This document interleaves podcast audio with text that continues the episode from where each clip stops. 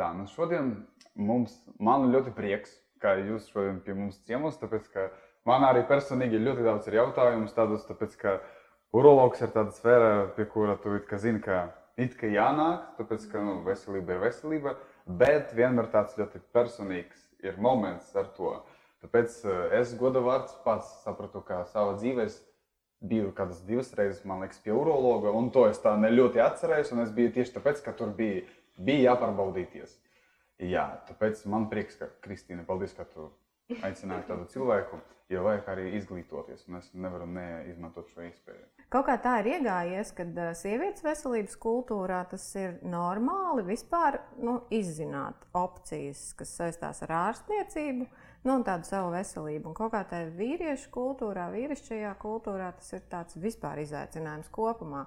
Un uroloģija, man liekas, tas ir drīzāk pat tāds biets, nu, tas, kā es to jūtu gan savā darbā, gan arī tā personīgi, kontaktējoties par šo jautājumu. Kā tu pats to jūti savā darbā, esot tajā otrā pusē? Jā, nu, man liekas, ka vispār jāsāk ar to, kas ir uroloģija. Mm -hmm. Jā. Jā, jo uroloģija būtībā ir zinātne par urīna izvadu sistēmu. Jā, tad, tad būtībā urologs ir ķirurgs, jā, kas operē sākot no nierēm, beigās, beigās līdz urīna izvadu distālai tālākam galam.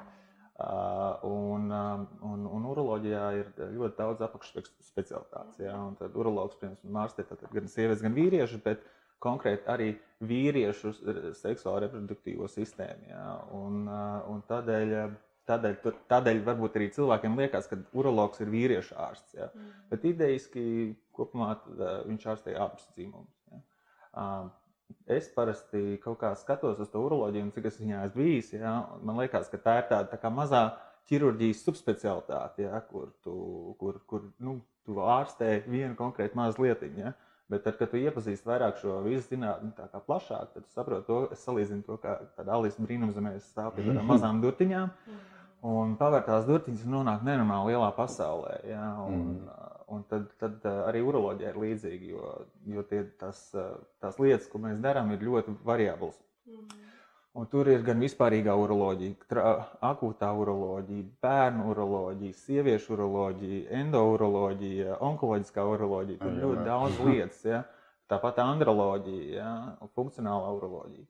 Un tad šīs lielās visas uh, grupas sadalās būtībā divās daļās. Viens ir par dzīvi, par dzīvību, ja, kur mēs ārstējam dzīvību apdraudošas situācijas, un tad otra ir par dzīves kvalitāti. Un um, šeit gan laikam ir jocīgi, vai arī nejocīgi, bet uh, mēs vēl neesam Eiropā, jo mēs vairāk koncentrējamies uz dzīvību. Un uh, varbūt arī tas ir valstiskā līmenī, ka mēs vairāk koncentrējamies uz to nu, dzīvības lietu, ja? par to, kas saistās ar dzīvību, bet par to funkcionālo un par to nu, praktisko dzīves kvalitātes jomu mēs tā diezgan maz runājam. Jā, tas man liekas, ir arī savā ziņā atbild uz to jautājumu, kāpēc es nonāku pie ārsta vispār tikai tad, jau, kad man kaut kas ir nepieciešams ārstēt. Jā, es tā kā preventīvi jā. nedomāju par savu veselību un atgriežoties. Man liekas, tagad noklausoties visu to spektru, nu, un droši vien, jo iegrimtu detaļās, jo tas spektrs būtu uh, aizvien lielāks. Kā tev pašam liekas, nu, tas tāds, es saprotu, ka diezgan tāds varbūt komplicēts jautājums kopumā, kā tas tā nākas? Kad, tomēr, tad, kad iet runa arī par šo sieviešu reproduktīvo sistēmu, mums ir atsevišķa nozara ārsts, bet, kad iet runa par vīriešu reproduktīvo sistēmu, tad tas tomēr ir savienots kopā ar uroloģiju, kas savā ziņā maldina nu, vai, vai tā kā mulsina, kad uh, Es nedomāju, ka lielākajai daļai tas ir pašsaprotami, kad mana, uh, kā lai saka, nu, kad šīs specializācijas ir būtībā tik cieši tuvu stāvošas, ka tas ir pašsaprotami. Ja man kaut kādi jautājumi ir vairāk saistībā ar manu seksualitāti, ar manu seksuālo labklājību, tad es dodos pie urologa, kur nav pat nu, īsti no, nu skaidrības, kāds tā ir uroloģijas apakšspecialitāte ir mm. androloģija, mm -hmm. zināt par vīriešiem. Mm -hmm. jā, un, un, un tādēļ mēs tās vīriešu problēmas arī mēģinām risināt pie uroloģija. Igaunijā, piemēram, ir tā, ka androloģija ir atsevišķa specialitāte. Mm -hmm. Tas ir ārsts, kurš rūpējās tieši par šīm vīriešu kaitēm, mm bet viņš nav ķirurgs, viņš neoperē, viņš ir vairāk kā terapeits. Jā, un, Un tā, tā, kā, tā, kā, tā kā mēs, un, mēs vairāk koncentrējamies uz to uroloģisko daļu. Mm. Un, ja tā godīgi es pateiktu, ka tur ir uz vienas rokas pirkstiem skaitām urologi Latvijā, kas vispār šai tēmai pievēršās un par viņu domā. Un tad tas ir nejaušības gadījums, ka tu pie viņa varbūt nonāc. Ja? Tu izmeklē piecas urologus, iztaigā, ja, kur tev tā virspusē pasaka kaut ko, bet ne, ne, ne konkrēti atrisināt tās tavas problēmas. Jo tā, ja mēs runājam konkrēti par seksualitāti un par, par, par seksuālo zinātni, tad, tad, tad tādi ārsti ir salīdzinoši maz, kas tev varētu palīdzēt. Uh, nu, ir vēl arī sekspatologi, nu, kas konkrēti, kon, konkrēti koncentrējās uz seksuāla rakstura problēmām. Jā, bet, uh, bet urologiem uh, tur ir jāpameklē. Un tāpēc es vienmēr arī saku saviem pacientiem, ka viņiem vajag tādu second opinion, otro viedokli. Vienmēr vajag aiziet un atrast savu tīkamu, tādu patīkamu ārstu, kādu viņš vēlās. Jo nav jau tev jā, jāpaliek pie viena uzticams mm. ārsta, ja viņš tev nav palīdzējis. Ja. Tā kā ārsti ir daudz, vajag vienkārši iztaigāt, kurš, kur, kurš ir tas īstais un atrast tas, kas tev palīdz. Protams, tas prasa laiku, naudu un, un enerģiju, bet, bet rezultāts ir tāds. Labs. Ap, piemēram, uh, ja es jūtos, nu, it kā, kā man liekas, viss ir kārtībā ar mani, nu, ot, man nekas nesāp, uh, nav nekādas problēmas, vai man ir jāiet pie urologa, ot, vai kā varbūt regulāri, vai vismaz kādu vienu reizi. Bet, bet ja, piemēram, nebija gadījis tā domāt par to, vai jānāk vai nē, tāpēc, ka nav nekādas problēmas. Bet vispār labāk. Nu, jā, reizē uroloģijā tās patoloģijas vairāk izpaužas uz vecumu. Protams, ka tur var būt kaut kādas situācijas, kur ir infekcijas, kaut kādas traumas un, un kaut kādas jā. tādas lietas. Tad, protams, tu griezies pie urologa. Bet tas uroloģiskais skaits vairāk sākās pēc 40 ja, un, un, un uz augšu. Ja, un tad būtībā lielākā daļa vīriešu pēc 40 jau ir iepazinuši kaut, kādu, kaut, kaut kādus attiecības ir izveidojuši ar kādu urologu. Ja? Un, jā. un, un, ja mēs runājam arī par to pašu seksualitāti, jā, tad erektīlā disfunkcija no 40 līdz 70 mm. gadu vecumam ir apmēram 50% vīriešu. Jā, tie skaitļi, nu, dažādi pētījumi, dažādi mm. skaitļi, bet, bet, bet, tās problēmas ir. Tas ir normāli, ka piemēram, tātad, pēc 40 gadiem tas ir normāli, piemēram, ja kādas disfunkcijas sākas. Mm. Tas normāli var būt. Nu, piemēram, ja tas sākas. Uh, Nu, iniciāli noteikti forši būtu aiziet 40 gados un apveicāties vispār, ko tas nozīmē, kas jā, ir tās jā, lietas, jā. uz kurām koncentrēties. Jā, jo, piemēram, viens no lielajiem uroloģijas biedriem ir uh, onkoloģija, jā, un, mm -hmm. ko mēs arī ārstējam un operējam. Un vīriešiem, jā, kā ir priekšdziedzers, ir prostata, tev tā zināms vārds, jā, un, un tas nereti pēc 50 rada onkoloģiskus draudus. Jā. Un tad, to jau 40 gados, tu iepazīsties ar pirmajiem tādiem terminiem, kā PSA, ja priekšsēdus specifiskais antigēns, ja, kas mēra temperatūru priekšsēdus arī. Lai, nu, un tad tu viņu mēri gadiem ejot, skaties, vai viņš stāv uz vietas. Ja viņš paceļās, tad tu, tad tu jau domā, kāpēc viņš ir pacēlies, vai meklē kaut kādus iemeslus tam. Ja. Tā kā, tā kā nu, dažādi vecumi, dažādas problēmas. Jaun, jauniem vīriešiem ir vairāk problēmas ar infekcijām ar traumām un, un tādām jā. lietām, jā, vai arī kaut kādām patoloģiskām iedzimtām lietām, kas ir jāatrisina, kā piemēram kriptorhisms. Jā, kad nav, kriptorhisms ir, kad nav noslīdējis kāds sēklinieks. Jā, mm -hmm. Ka viņš ir palicis cirkšņa kanālā, jā, vai jā. vēdera dobumā, un, un vīrietim oh. ir viena oliņa. Jā. Piemēram, tāda situācija var būt. Otra situācija var būt tāda, ka viņam ir uh, sagriezies sēklinieks. Jā, tā ir akūta jau situācija, kas jārisina. Jā, uh, jo tur veidojās infarkts sēkliniekā, jā, kas ir jāatrisina divu stundu laikā. Apmēram, jā. Jā, vai jau var būt pavēlu pēc tam? Nu, jā, ja tu novilksi dienu, tad tev būs pavēlu, tad sēklinieks jāizņem ārā. Jā. Un, uh, un, protams, arī, ja mēs runājam par seksualitāti, jā, tad viena no erektīvās disfunkcijas lietām, par ko par ko būtībā ārsts arī domā, ir piemēram priekšlaicīga ejakulācija. Ja? Un, vai arī kaut kādas impotences problēmas, mm -hmm. ja? kas var būt kā sekundārs kaut kādām jau citām sistēmas slimībām, ja? cukuru diabetes vai sirds slimības un tā tālāk. Ot, blin, jā, tik daudz jautājumu.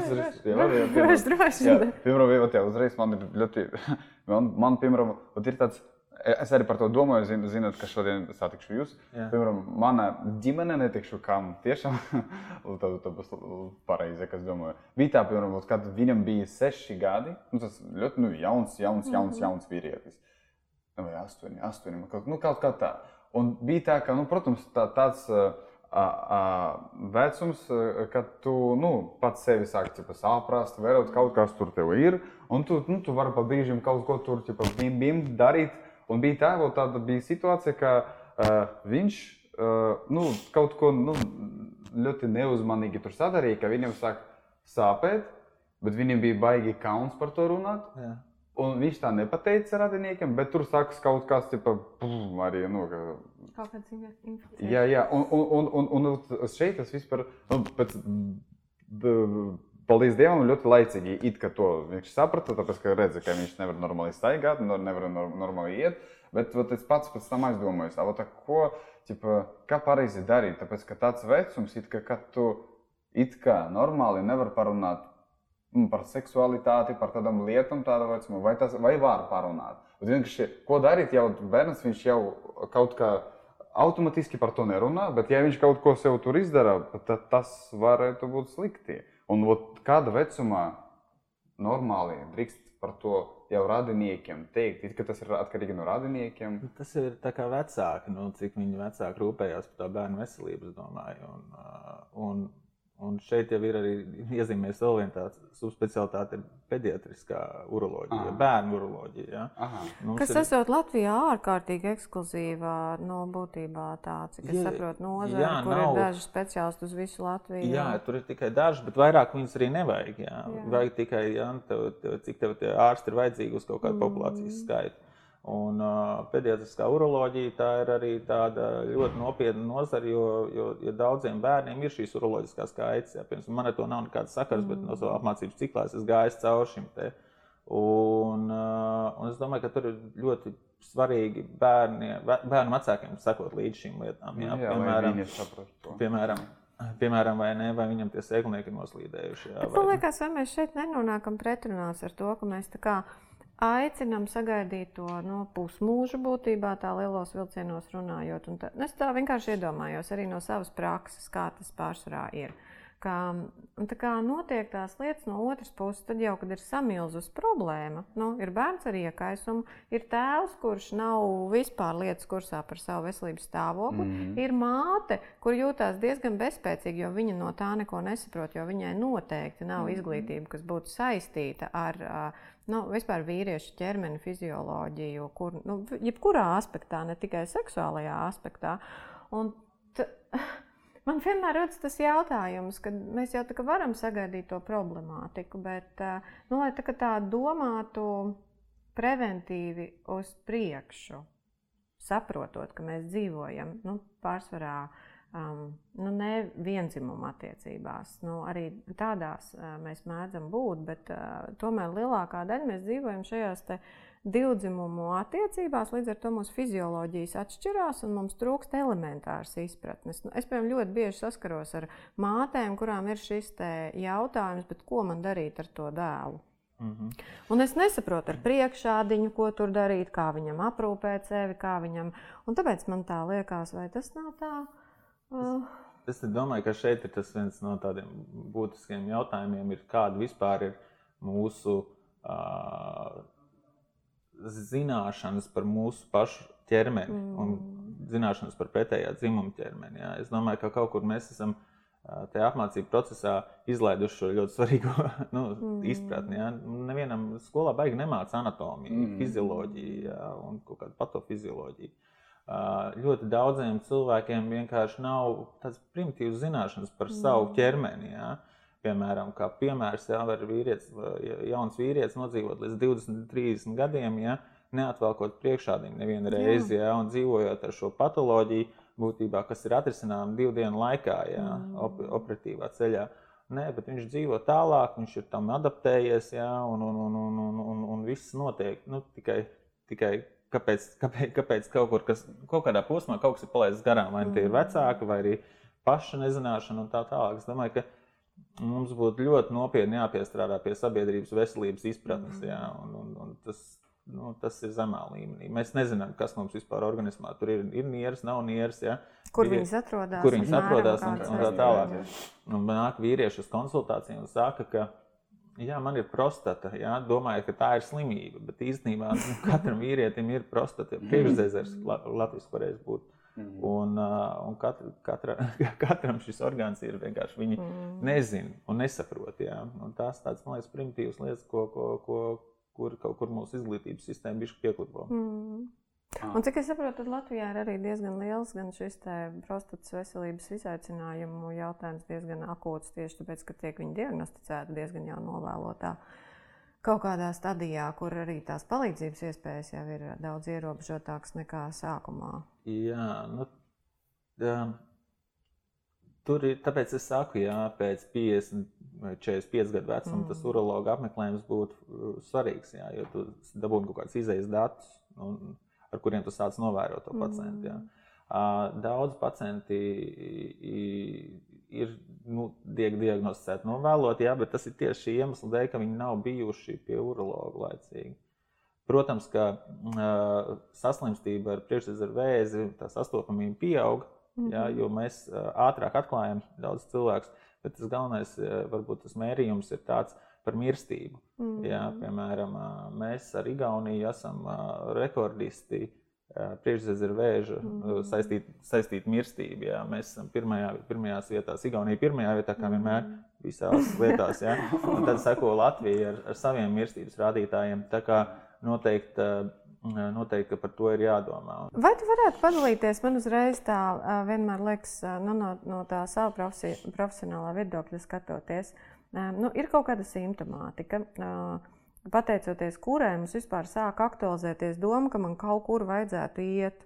Kas ir tā simptomātika, ko tu teiktu, ka nu, jā, ar mani notiek šis, es piedzīvoju šo, man parādās šis, tad varbūt man nevajag tur gaidīt arī tos 45 vai 50 gadus, bet varbūt man ir 20, 30 vai vienalga. -hmm. Bet es tomēr savas veselības un drošības labad aizēju, jo nu, gal galā no tā jau noteikti nemirst, kā ieiet urologa kabinetā. Noteikti, ka nemirst, jā, un ja urologs ir foršs, tad tas, tas viss piedzīvojums ir diezgan, jā. diezgan patīkams. Jā, nu, tu, tu saproti, ka viņš nav biedrs, pie viņa var aiziet, -hmm. viņš to izstāsta un tā tālāk kā jau teicu, dažādi vecumi, dažādas mm. problēmas. Jā. Vīrieši līdz 50 vairāk slimo ar infekcijas slimībām, mm. un tur sāk pie 40 izpausties tas prostatas palielināšanās simptomi. Mm. Pēc 50 jau vairāk domā par onkoloģiskām saslimšanām. Jā. Tā kā, tā kā, tā kā tam dažādiem vecumiem ir dažādas problēmas. Jā. Un, un, Un tad tā simptomātika, nu, tur nav viena, nu, viena noteikta simptomātika. Ja? Nu, piemēram, vispopulārāk runāt par priekšsēdētāju veselību, jā, mm. varbūt ne par onkoloģiju, bet par vienkārši primitīvu priekšsēdētāju palielināšanos, kas rada uh, nospiež urīna izvadu kanālu un mm. ir grūtības pačurāt. Jā. Un tad ir tādas simptomu grupas, kas ir apakšēji urīnas simptomi, kas mm. dalās divās. Ir kairinošie simptomi, kas tev kairina varbūt urīna pūsli un urīna pūšu izvadīšanos, un tad tev ir arī uh, izvadīšanās simptomi. Un izvadīšanās simptomi jau ir tādi, ka tev ir grūtāk nolaist urīnu, tev ir apgrūtināts, sāpīgi, varbūt tā, tā urīna novadīšanās, neiztukšošanās sajūta un tā tālāk. Tā kā, tā kā tur ir dažādi simptomi dažādām situācijām. Ja. Mm. Uh, piemēram, nu, nieras vēzis. Ja. Mēs operējam nieras vēžus. Ja. Uh, tur simptomātika var nebūt. Tur vienkārši radioloģiski kaut kādā apskatē atrod kaut kādu veidojumu un pēc tam viņu operē. Ja? Nu, viņš varbūt simptomus to nekādas nedod, ja, ja vien nav ielaists pēdējās kaut kādās stadijās. Tā kā dažādi situācijas, dažādi, dažādi, dažādi jautājumi, dažādi simptomi. Vai tu kā ārsts jūti kaut kādu tādu klasiku, kas vispār, mm, ja mēs runājam par, par personībām ar vīrišķajām dzimuma pazīmēm, kas stāv ceļā vispār tam, lai es nonāktu līdz tam urologa kabinetam? Kur tu saredzi, kā, kā ārsts, urologs, kas ir tie lielākie izaicinājumi? Vīrietim, tie šķēršļi, tās bailes, nedrošības, kauni vai kaut kas, ar ko tu sastopies, kāpēc viņi nonāk reizēm līdz tam urologa kabinetam? Nu, patiešām nevajadzīgi novēlot, vai ar, piemēram, arī tas, ko es novēroju, strādājot ar seksualitātes jautājumiem, ir pilnīgi nevajadzīgu spriedzi vai pārdzīvojumu vai tādu, nu, nu, ko, kas prasa cilvēkam, nu, tā liekas, tādu milzīgu sevis pārvarēšanu, vispār aiziet un painteresēties, kur tad es varu to atbalstu dabūt, vai, mm. vai kaut kā to savu veselību atbalstīt. Vai... Es domāju, ka tur viens no tiem jautājumiem, nu, viens no, viena no tām problēmām ir tāda, ka tie daudz jau tās slimības izpaužās bez simptomiem. Mm -hmm. Viņš domā, ka viņiem viss ir kārtībā. Nu, mm -hmm. nu labi, ja es te nevaru pačurāt gana labi, jā, nu, cilvēki adaptējās. Ja jau tie simptomi, piemēram, ar šīm prostatas saslimšanām, ka viņi palielinās, ja, viņi attīstās ļoti pakāpeniski, nu, 6, 7 gadu laikā. Mm. Un tu, man liekas, arī pakāpeniski pierod pie, pie tās funkcionālām problēmām. Ja, un, un tad, kad jau ir galīgi slikti, tad tu aizēji pie tā urologa.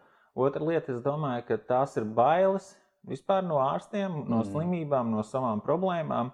Un, uh, un, un, un, un tie vīrieši, viņi, kā jau zināms, mazāk apmeklē ārstu mm. vispār. Jā, un iet tikai tad, kad patiešām kaut kas ir noticis slikts. Uh, Tāda, es domāju, ka tās, tās ir tādas lietas, jā, ko. Bet, uh, bet es esmu vēl novērojis to arī, ka vīrieši, kur aiziet līdz tam urologam, jā, nu, vai viņi aiziet pie viena, pie otra, jā, Viņam diezgan no, iepatīkās tas, jā, jo es kā pieņemu poliklinikā, tur ir tāds bariņš ar večukiem, kur, kur jau ir tā kā uz svētkiem aiziet pie tā urologa, parāda savu lapu, jā, reku, mans PSA ir tāds, tas antigēns, jā, ko mēs skatāmies asinīs un, un, un, un, un, un, un, un ir apmierināti ar to, ka, nu, ka, ka viņiem viss ir kārtībā, jā. Un viņi nāk katru gadu, kā, un tas, tas ir baigi forši. Um, piemēram, tādam jaunam puisim kā tev, nu skaidrs, ka tas urologs var būt, nu, viņš tev nav baigi vajadzīgs. Tev varbūt vajadzīgs vairāk ir ģimenes ārsts, labs, jā, kurš, kurš kontrolē vispār monitorē tavu kopējo veselību. Jā, jā. Jā. Un tādiem jauniem puišiem pēc 30, piemēram, jā, es domāju, ka ļoti svarīgi ir vispār sākt domāt par savu veselību, jo mēs neesam vairāk novecojam. Mm -hmm bet mēs jūtamies vēl kā 20 gadīgi. Ja? Un tad, sekot līdzi tam kaut kādām vispār sistēmas problēmām, būtu baigi svarīgi. Ja? Piemēram, uz, tas nav baigi grūti. Tu vienreiz gadā nodod analīzes, mm. ja? Tur pasties, kas tev notiek analīzēs, visās sistēmās. Un uztais ultrasonogrāfiju vēderdūgumu. Tas tāds check-ups, man liekas. Ja? Un, jā, jā. Un, un, un, un, kad, ja, ja, ja tev ir apmēram skaidrs, kā tev, kā tev kura sistēma strādā, vai ne?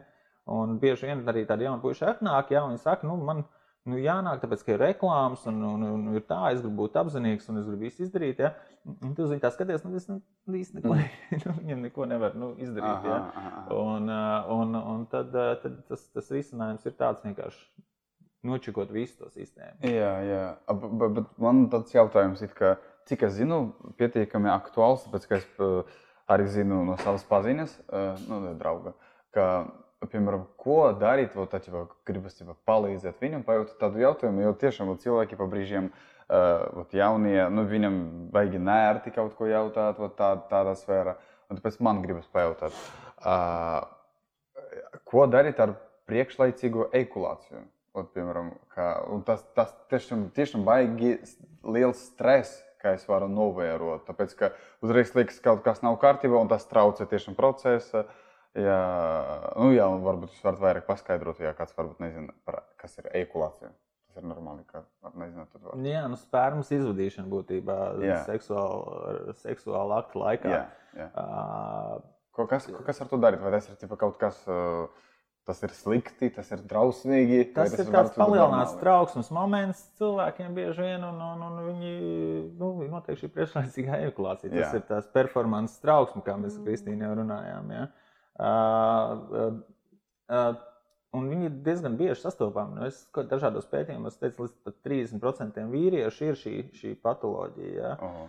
un, un ko var darīt? Vislielāk, nu, lielākoties, gan, protams, ka to var ārstēt arī ar zālēm.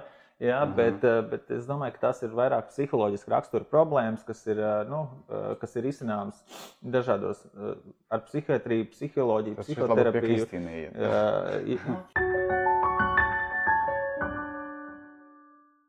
No tās manas profesijas viedokļa, nu, gan piemēram, no, no, no psiholoģiskā atbalsta, gan no seksuoloģiskā atbalsta no viedokļa. Reizēm ir tas, nu, tāda mm, neviennozīmīga sajūta, jo tad, kad nu, mums ir klienti, ārstiem ir pacienti. Mhm. Pārsvarā tad, kad atnāk tas klients, kā lai saka, mm, pēc šīs palīdzības, tad ļoti bieži mūsu pirmais, tīpaši, ja skatos no seksoloģijas viedokļa, pirmais ir sūtīt viņu tomēr pie ārsta un nu, veikt kaut kādu vispārējo apskati, un tā izskaitā arī, protams, reproduktīvās sistēmas nu, visu apskati, ar ko viņš nāk atpakaļ, lai mēs nemēģinām meklēt galvā problēmas, kas ir piemēram nu, piemēram, erekcijas traucējumu gadījumā, iespējams, par sirds kardioloģijas problēmas. Nu, jā, jo, nu, kas ir tas, man liekas, arī jautājumiem, tas būtu pirmais, pie kā vajadzētu domāt, jā, par, par ko vajadzētu domāt. Par sirds problēmām, jā, jo nu, asinsvadu dažādi diametri un lejā tur aiziet mm. asinsvadu ciet varbūt ātrāk jā, nekā. Un līdz ar to veidojas diabetes. Jā, nu, jā. Tas arī varbūt ir kaut kāda nu, patoloģija, kas nav izzināta. Jā, varbūt šis cilvēks dzīvo ar cukurdibētu, nezinot mm. to. Jā.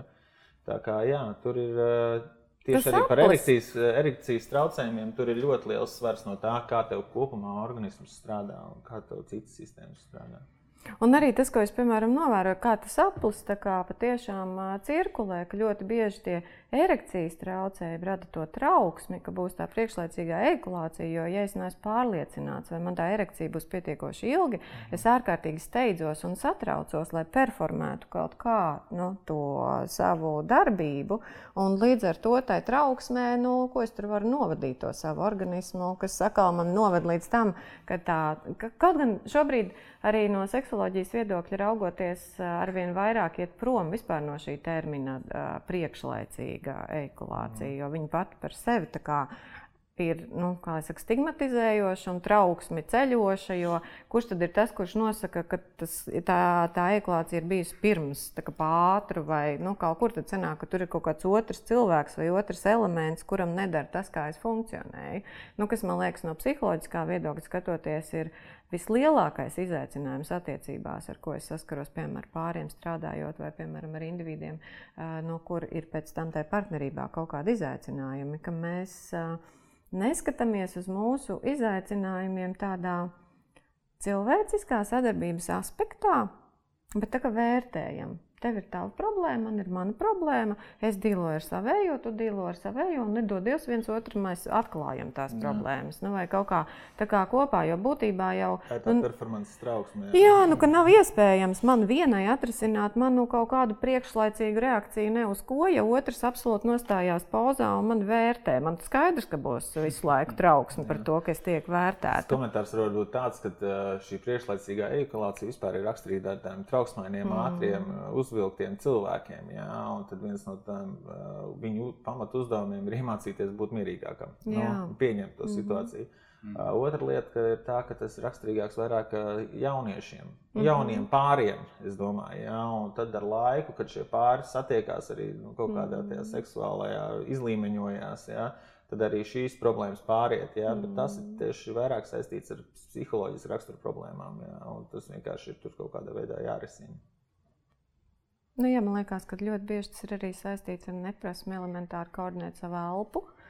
Nu, ko es esmu novērojusi, kas ir tāda no, atbildības, kā lai saka, es nevarētu pat teikt neuzņemšanās, bet tāds vispār drīzāk apziņotības trūkums par to, ka man elpa ļoti daudz ko var mainīt, daudz fizioloģiskus procesus manā ķermenī kustības intensitāte, nu, kas ir piemēram šī neadekvātā kustība, kur, protams, pie tādas intensīvas un ātras bērzes ir nu, skaidra lieta, ka vienkārši tas rezultāts būs ātrāks nekā, ja es kustinu to iegurni, kas lielākoties tas, kā es to saredzu, vispār vīrišķajam organismam ir diezgan liels izaicinājums, jo tas iegurnis nav mūsu kultūrā, ir tīpaši patiešām mūsu ziemeļnieku kultūrā, galīgi nav kustīgākā vieta vīriešu ķermenī. Tāpēc pats tas, piemēram, um, nu, pārsvarā jau masturbējot vai pašapmierinoties, neviens nesatraucās, ka es pātru kaut ko daru. Drīzāk, varbūt, kad vajadzētu apzināti kaut ko darīt lēnāk, lai izzinātu to savu ķermeni, jo ko mēs vispār tur ātrumā varam iepazīt. Bet man liekas, tas interesantākais ir tas, ka tad, kad mēs nonākam līdz tam partnerības uh, seksam, ka mm, ļoti bieži tur jau īsti nav tās pašas partnerības. Jo, ja mēs paskatāmies no to divu fizioloģiju viedokļa, no tad īsti kāda ir jēga no šīs kustības pēc būtības sievietes fizioloģijai? Un tad, tad ļoti bieži ir tas interesantais jautājums, ko vispār tie cilvēki kopā tur mēģina performēt viens priekš otra, un cik daudz viņi nokomunicē kaut kādas nianses. Kāpēc tu dari, piemēram, kaut kādu darbību, kuru man nemaz nav patīkama, es to noklusēju un nesaku. Un savukārt, nu, atrast kopīgi, pat ja es nezinu, man neviens to nav stāstījis, kas Latvijā ir pilnīgi normāla standarta situācija, ka mēs nesaprotam ne to fizioloģiju, ne, ne savu anatomiju, ne arī kaut kādus psihiskos procesus, kuri notiek nu, šī laikā. Kad, ja mums pat nav ieinteresētības, nu, tā teikt, izzināt, kā mēs to varam izdarīt tā, lai tas dara tev, strādā labāk man, un viennozīmīgi, ja mēs to darām kopā, tad nevienam par to nebūs trauksme, jo mēs esam komanda tajā, ko mēs darām. Nevis apliecinamies viens uz otra rēķina. Nu, kas man liekas, reizēm tur ir ļoti cieša saistība arī tam ķermenim. Gan tā elpošana, gan tā sava ķermeņa spēja koordinēt un vispār pievērsties viņam kā kaut kādam mehānismam, no kura ir atkarīga mūsu dzīves kvalitāte, no arī mūsu baudas pieredzes kvalitāte, kas man liekas tāds ārkārtīgi interesants jautājums, kas noteikti ir uh, integrējams arī kādas. Uh, kāda ārsta, nu, tajā, kā lai saka, nu, profesionālajā nu, jautājuma aspektā, ar ko uzrunāt cilvēks. Jo es teiktu, ka no savas pieredzes var teikt, ka vīrietis līdz terapeita kabinetam atnāks vēl retāk nekā līdz ārsta kabinetam. Tas nozīmē, ka tas, ko mēs, nu, kā lai saka, mm, arī reizēm nodaram, pasakot, ka tā jau ir psiholoģiska problēma um, iedzēna to cilvēku ļoti bieži, nu, ja mēs tiešām runājam par konkrētu Latvijas vīrieti, nevis par kaut kādu vidējo aritmētisko pasaules, tad liekas, diezgan tādā savā ziņā neērtā situācijā, kur uh, es nedrīkstu iet pēc psiholoģiskas palīdzības, jo tas devalvē man vīrišķību, tas, tas noteikti bailes, nebūs no. labi. Bailes, Bet no, savukārt ārsts man saka, lai es tur tomēr eju. Jā. No, un tas, man liekas, ir tā ļoti interesanti, kā Latvijā Arī mums ir. Par tām kustībām un tām zināšanām Es domāju, ka šeit ir problēmas par to mūsu seksuālo izglītību jā, un vispār kopējo sapni par savu ķermeni. Jā, mm. Jo no kurienes tad cilvēks mūsdienās eh, gūst uh, zināšanas par seksu, ir no pornogrāfijas. Jā. Jā, un tur taču eh, pornogrāfija pat kā tāda, mm. nereprezentē īstenībā normālu. Normāls attiecības, jā, normāls vai, fizioloģiskas darbības, pat man liekas, darbības, kur varētu jā, saprast. Tur ir šis, jā, jā un, un, un tas ir kā, tas tiek pieņemts kā norma, un, Un uh, nevar jau tiem cilvēkiem arī pārmest. Jā, mm. neviens jau viņiem to pastāstīs. Jā, viņi nezina par to. Kā tu esi novērojis savā praksē, uh, caur kādiem jautājumiem vispār vīrieši sāk, vai caur kādiem aspektiem vispār sāk uzrunāt to savu trauksmes jautājumu? Nu, tiešām to performances trauksmes jautājumu, kas tie vispār, kā viņi nonāk. Jo es nedomāju, ka viņi sēž mājās un tā izdomā, man ir performances trauksme, aiziešu pie urologa par Jā. to parunāt. Nu, es neko tādu neredzu. Manā kabinetā noteikti ienāk caur kaut kādu. Nu, piemēram, viens ļoti bieži ir, ar ko es saskaros, ir uh, um, ka man ir kauns no partneres. Jā. Nu, tur ir kaut kāds Jā. kauns un nedrošība saistībā ar partneri, un es nāku risināt to kaunu. Es gribu atbrīvoties no tā kauna. Nu, vai es gribu kaut ko tur, es pat teiktu, biežāk ir, es gribu varēt to izdarīt. Nu, Ar kādu prizmu viņi parādās? Nu, jā, jo ne jau viņi tā ienāk. Viņi nenāk, saka, viņi nenāk tād, ar, ar tādu primāro problēmu seksu. Viņi, viņi parasti nāk caur kaut kādu citu problēmu. Mm -hmm. Un tad beigās jau, kad tu tā kā beidz to, to, to sarunu, tad viņi tā, -hmm. nu, man vēl tomēr vispār liekas, ka vai, vai, vai tur tā vai šitā. Jā. Pirms iešanas ārā pa durvīm, jā, lai tad, paliek divas nu, jā, minūtes nu, laika. Jā, jā. Kaut ko tā starp citu, vai, vai man, man tur ir tā, ka man pēdējos mēnešos jā. ir palicis kaut kas nu, kaut kas mainījies. Nu, es vienkārši domāju, ka tas vēlas no nezināmā. Viņi vienkārši nezina, ko tas, kur tas viņus aizvedīs. Līdz ar to viņi varbūt arī negrib zināt. Nu, man liekas, ka tur ir arī ļoti liela, liela nozīme uh, tam, mm, kāds spiediens vispār ir uz vīrieti un viņa seksuālo reprezentēšanos. Nu, tā kā tā, nu, tā teicu, nedrīkst noteikti būt failers. Ir, ir, ir problēmas ar, ar, ar, ar, ar seks, seksuālu raksturu problēmas. Jā. Ja? Tad, nu, tad iedomājieties, cik daudz tie cilvēki ir. Jā. Ļoti daudz. Vai tu varētu pastāstīt, kā vispār klasiski norit konsultācija pie urologa? Jā, urologa konsultācija, kā jau visiem ārstiem, ir, ir saruna. Saruna ir par, sākās ar to par problēmām, par ko viņi sūdzās. Jā. Parasti pirmās minūtes ir tā, ka tas pacients atnāk un mēģina noformulēt to savu nu, stāstījumu un izstāstīt. Ir, ir dažādi cilvēki, kur baigi gatavojās, jā, tad viņi nāk ārā un liek lapas jau uz galda un mēģina, nu, tad reku ir, jā, cits kaut ko kautrējās un mēģina noformulēt pie sevis, jā. Ļoti liela, liela, liela loma ir šai sarunai. Un šis, šo subjektīvo simptomu objektivizēšanai, ja, jo Jo viss, ko mēs stāstām, ir subjektīvs. Ja? Bet tam ārstam ir ļoti svarīgi izvilkt objektīvo ārā no tās subjektīvā. Uh, tu varētu kādu piemēru nu, dot, kā tu, piemēram, to esi saskāries? Kur tu redzi, ka tur ir kaut kas tāds subjektīvs, subjektīvais, bijis iespējams nu, piemēram, pārspīlēts vai kaut kā. Piemēram, ja cilvēkam ir problēmas ar urināciju, Jā. un viņš stāsta, ka man ir tā, man ir šitā, Bet tu tā klausoties, saproti, tu īsti nesaproti, kā tas īsti ir. Ja? Nu, tad tu iedod šim pacientam mikcijas dienas grāmatu. Ja? Tā ir tā dienas grāmata, kur tu raksti, cik daudz izdzēri, cik daudz izšķirāji, kurā laikā izdzēri. Un tev jau, piemēram, tas viņa stāsts ir objektīvi parādīts uz lapas, ja viņš vairāk nav tā, ka viņš stāsta kaut ko, bet tev ir konkrēta lieta. Jau. Vēl viena arī tāda lieta, varbūt, par, ko, par ko būtu jāpiemina, ir tā, ka uh, par ko arī varbūt dažkārt nirgājās un smējās, ja, par to, ka iebāžas pirkstu dibenā. Jā. Jā, bet, bet tam ir ļoti liela loma, un vairāk tas ir vecākā gada vīriešiem. Pirms tev varbūt nebūtu nekādas jēgas to darīt jaunam Aha. cilvēkam. Ja? Bet šeit tas ir tas, ka mēs meklējam šīs onkoloģiskās saslimšanas.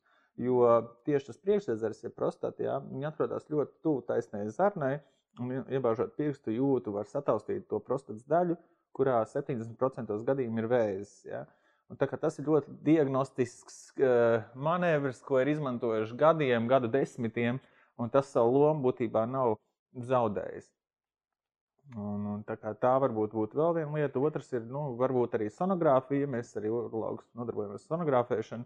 Mēs skatāmies nierus, urīna pūsli ja, un, un tādas lietas. Tā kā tā vizīte varētu būt sastāvēt no divām daļām. Viena ir nu, tā saruna, otra ir tās praktiskās darbības. Ja, un, un, un tā. Bet, ja mēs paskatāmies uz vīriešu tādu, uh, uz prostatu no vīriešu seksuālās baudas viedokļa, jo nu, tur ir arī tomēr tādas interesantas, sensuālas, es kāpēc par to ierunājos. Jo, piemēram, Latvijā šobrīd ir ļoti popularizējusies tantra. Un viens no tādiem interesantiem aspektiem, kas nāk caur tantrisko masāžu, tantriskajām praksēm, un tas vienkārši ir mūsu objektīvā realitāte, kurai trūkst šī rietumu zinātniskā pamatojuma, izpratnes, kas tur ir ar to prostatu, kāpēc vienā kultūrā viņu ir jāveic kaut kādas masāžas darbības, jāstimulē, un viņi tiek promotēta kā tāds vīriešu baudas, seksuālās baudas avots. Savukārt, otrā no rietumu kultūrā tas tomēr ir tāds biets. Ap to ir milzīga trauksme. Tas noteikti tiek sasaistīts ar orientācijas jautājumiem un tā tālāk un joprojām. Nu, redzi, uroloģija un vispār Latvijas medicīna ir. Mēs nodarbojamies ar rietumu medicīnu. Uz, uz, tā ir medicīna, kas ir uz pierādījumiem balstīta, jeb evidence-based. Ja? Uh, Un tad būtībā katrai tai mūsu darbībai pamatā ir kaut kāda pētnieciskais uh, saturs, ja, kurš, no, nu, kas mums liek domāt tā vai šitādi. Uh, mums ir daudz dažādas arī šīs tautas medicīnas. Tautas medicīna ir diezgan populāra Latvijā. Ja. Uh, vēl ir austrumu medicīna. Ja. Vis, visādi, jā, uh, tas viss nav slikti, tas viss ir normāli. Ja, bet, piemēram, ja mēs runājam par prostatas masāžu, uh, ja, tad teiksim, to agrāk darīja urologi, kā, kā piemēram kā tāda ārstēšanas metode kroniskam uh, prostatītam. Mhm. Ja, un it kā runā, ka nu, dažiem palīdz, dažiem nē, bet piemēram mūsdienās ja, mēs to nedarām. Tāpēc mēs uzskatām, ka tas nav. Nu, Tam, tam nav pamats. Tam, tam. nav zinātniska pamatojuma. Tā nav zinātniska mhm. pamatojuma, un mēs tam vienkārši nenodarbojamies. Ja. Uh, tā kā, tā kā tā kā tā kaut kā. Nu. Es gribu arī tādu. Man, man, mani jautājumi ir varbūt tiešām uh, manas vecuma dēļ, konkrētāk un praktiskāk. Piemēram, ko darīt? Uh, jo tas ļoti bieži gadās tiešām bērnu dārzā, arī skolā. Man pašam tā bija, un tas bija drausmīgi. Tipa, jā, nu jūs tur ar draugiem, jūs kādas tipa, dračkas, to, to visu, un ja tev iespēja pa oliņu, ko tāds lifehacks, ko šeit un tagad ir jādara? Protams, vai aprūpēt. Jā, jā. tā ir momenti, kad tu saproti, nu es tagad nomiršu. Nu, tāds, Ja es dzirdēju dažādas versijas, vien, ka šī ir, ja vajag pasēdēt, vai vajag ķipēt, pa, pa, pa pietupināties. Ja? Un, ģibu, ģibu, un daudz ko dzirdēju, bet tāds ir life hacks no profesionāla. Spēriens pa oliņām, nu, vienkārši tev būs sāpīgi. Jā, un tas jo, tā, tāds sajūta, ka tagad nomirst. Jo, jo sēklinieks ir, viņš ir kapsulā, jā, un tad tas, ja spēriens pa to oliņu rada tur, nu, kaut kādu iekaismu procesu, jā, kas piebriest tas sēklinieks, jā, un, un, un tie apvalk, un tas tev sāp. Uh, nav life hacks, es nepateikšu tev life hack, kā, kā, kā tā tik galā ar spērienu pa oliņām. tagad, jā. Jau sēklniekiem, bet, uh, bet viena, varbūt, ja mēs runājam par sēklniekiem un jauniem vīriešiem, tad uh, ir ļoti, ļoti, ļoti svarīgi Tāpat kā sievietes pārbauda krūtis, vīriešiem ir jāiepazīstās ar saviem sēklniekiem. Mm -hmm. Un, uh, tur ir tāda lieta, ka vecuma grupā no 20 līdz 35 ļoti izplatīts, protams, nu, varbūt skaidros mazāks daudzums salīdzinājumā ar citām onkoloģiskām saslimšanām, bet ir sēklnieku vēzis. Ja, un, un jauniem vīriešiem ir jāiemācās dušā vai kaut kādā situācijā palpēt savus sēklniekus, iepazīties ar viņiem. Uh, zināt, ka tur ir oliņi un tur ir mm -hmm. sēklnieku piedēklis, jā, kas, un jāsaprot, kā tas viss izskatās arī tīri ar tausti. Jo, jo, jo ja veidojas kaut kāds zirnīts, kaut kāds, kaut kāds sacietējums sēklniekā, tad tas būtu noteikti jāiet un jāizmeklē pie urologa. Jā, jo sēklnieku vēži ir diezgan agresīvi, jā, un, un tur jārīkojas sevišķi ātri, ir, jā, un, un, un, un par to ir jādomā. Tā kā pašpārbauda, tāpat kā sievietēm, mēs vienmēr varam salīdzināt mm. dzimumiem, ja? tad, eh, tad sievietes pārbauda savas krūtis, kas ir pilnīgi normāla praksa. Ja? Un, ja, un, un jauniem puišiem vai, vai nu, jauniem cilvēkiem vajadzētu arī iepazīties ar saviem sēkļiem, viņus izpalpēt un saprast, ka tur ir, nu, zināt, kā tur vispār ir viss. Jā, jā. Tāda paša sevis izzināšana. Ja? Jā, kas man liekas tāds interesants aspekts, kurš līdz ar pediatra apmeklējumu beidzās vīriešu dzīvē. Kad eh, kamēr vēl es, eh, nu, kā bērns, kā puika, tiek vests, vests pie, eh, pie pediatra, pediatrs tā kā mazliet man uzrauga, bet Jā. pēc tam man vairs neuzrauga neviens un arī neiemāca, ko man tas pediatrs visticamāk arī nepastāst, ka tagad no šīs dienas tu to darīsi pats. Nu, kad man liekas, ka atšķirībā no uh, sieviešu veselības aprūpes, nu, kaut vai šīs te pašas. Uh, no krūša aprūpes, kas ir tomēr ejot regulāri pie ginekologa, ar vienu ar vienu tomēr popularizējās šī praksa tikai tāpēc, ka viņa ir preventīva.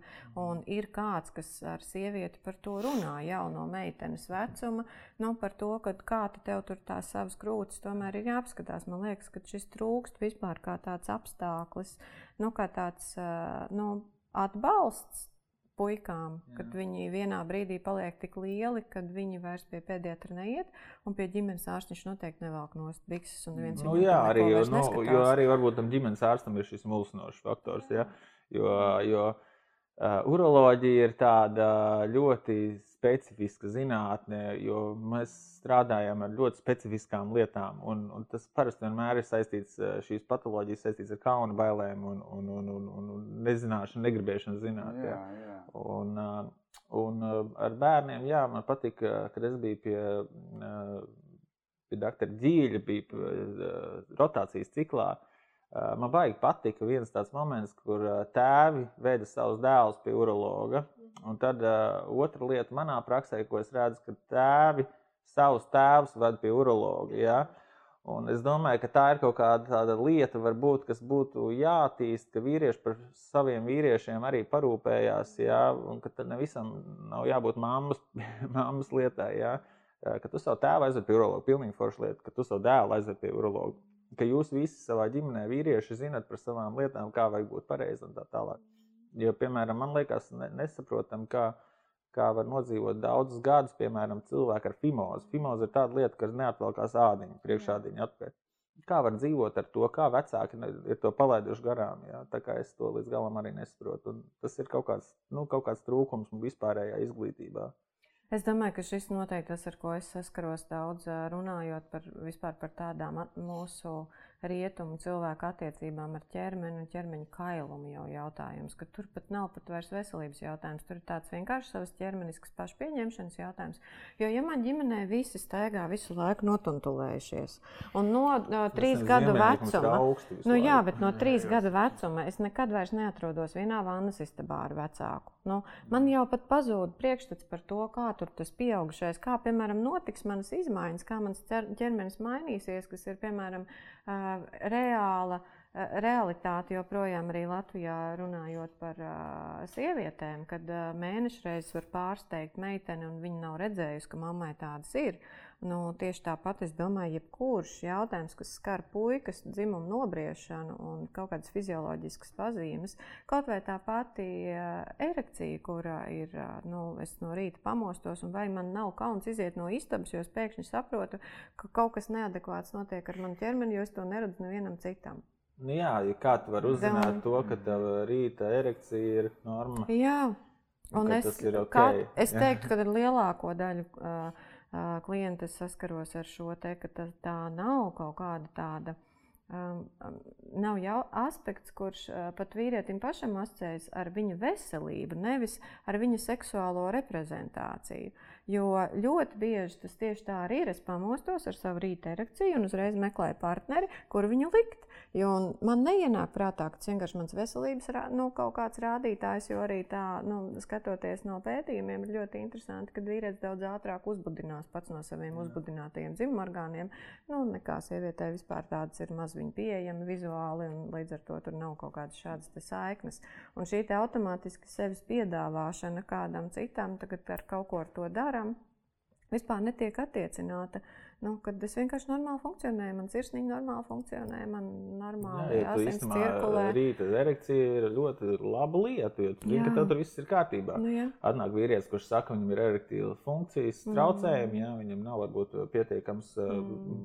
piebriedums, jā, vajadzīgā situācijā. Mm. Tad var paprasīt, vai kā viņam ir rīta erekciju, mm. vai kas. Un tad jau tu vari saprast, vai tas ir fizioloģisks, jā, mm. patofizioloģisks process, vai arī, piemēram, tie, tas ir psiholoģiski rakstura problēmas, ka tu esi pārstrādājies stresā, depresijā un tā mm. tālāk. Ja.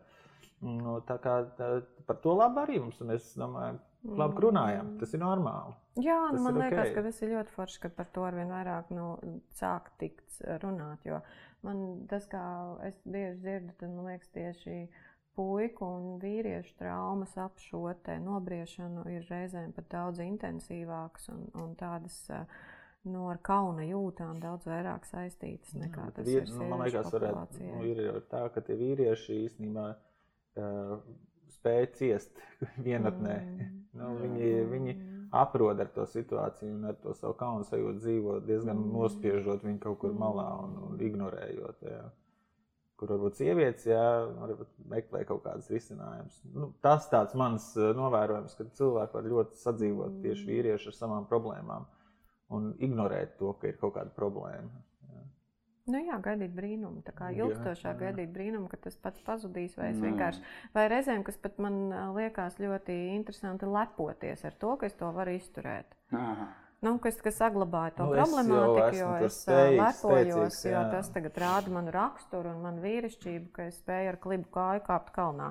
Nu, tieši tāpat tās, piemēram, nezinu, tur mēģināt veikt kaut kādus varoņu darbus ar, ar nu, kaut kādu, kaut vai ar priekšādiņu saistītu disfunkciju, kur man reāli traucē just baudu vai kaut kā brīvi arī nokomunicēt sevi. Pastāstīsi vairāk, mazliet, varbūt patiešām, ko tad ar to priekšādiņu darīt, kā vispār attīstās tā vīriešu fizioloģija. Es domāju, tas varētu būt galīgi nepašsaprotams jautājums lielai, da lielai daļai. Un kā tad mēs varam zināt, kad ar viņu kaut kas tur īsti varbūt nav nu, tā foršākajā stāvoklī, lai mums tas komforts dzīves būtu tāds, kāds mums ir teorētiski gandrīz ikvienam pieejams.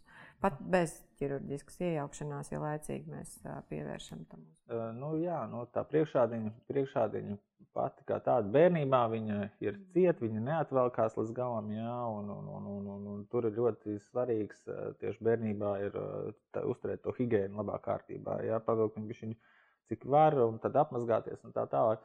Bet kaut kādā vecumā es pēkšņi no galvas neatceros, kādā tur nu, kaut kādā gadā vecumā tā priekšādiņa pats sāk nākt vaļā. Jā. Bet daudziem cilvēkiem arī neatnāk tā vaļā. Viņi ir to fimozi, jā, fimozi ir tas priekšādiņas sašaunējums, dzīvo atlikušo mūžu.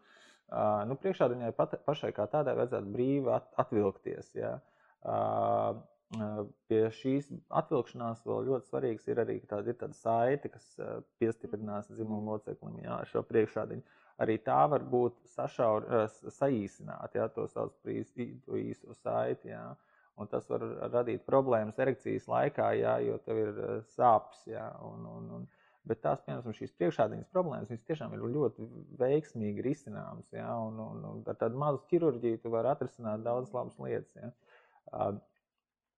priekšādiņa ir, nu, jā, un tu atvelc priekšādiņu, tev par viņu jārūpējas, tev jāmazgājās, jā, un, un, un, un, un, un tas jādara katru dienu, un, un tad tas viss būs kārtībā.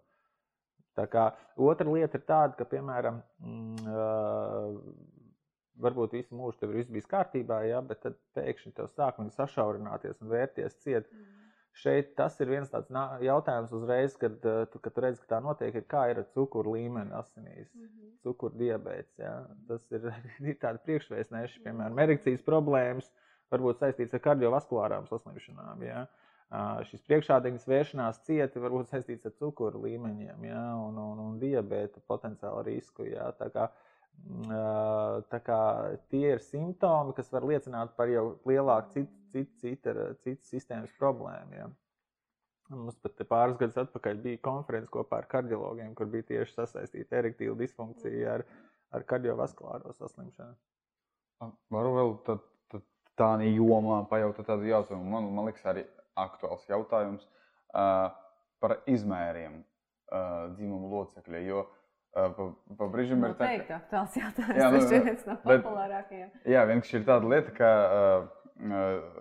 piemēram, nu, viņš var izmērs būt tipa, liels, lielāk, mazāk, bet kur sakas šis varbūt patoloģiskais uh, lielums, kā tā par saprotams, ko es jautāju. Piemēram, kur ir šis kurš ir pa lielu? Vai mēs varam pateikt, ka kaut kas jau ir patoloģisks? Jā, jā, jā, jā. Ot, kur ir, tāda, ir tādas robežas, jā, nu, viņas ir. Nu, tā ir iekārtotas dzīvē, ka tie dzimuma locekļi ir dažādi izmēri. Jā, jā. vēl joprojām tur tiek šķēpa lauzt, kas ir normāls izmērs, kas nav normāls Jūs izmērs. Statistiskas, ka, Bet uh, šeit jau arī laikam ir uh, nāk sievietes, ja, un kādas viņām ir, nu, ja tā ir dzimuma loceklis, tev vajadzīgs ir seksuālām aktivitātēm, jā, jā. vienām sievietēm patīk, viņš ir garš un tievs, citām patīk mazāks un resnāks, jā, jā. Nu, tā, tas ir būtībā. Atkarīgi no partnera. Atkarīgi būtībā no partnera, jā, nu, kas jā. ir, kas ir, nu, ja ir, protams, ir tādas patoloģijas kā mikropeņi, jā, un, un, un patoloģiski mazi šie dzimuma locekļi, jā,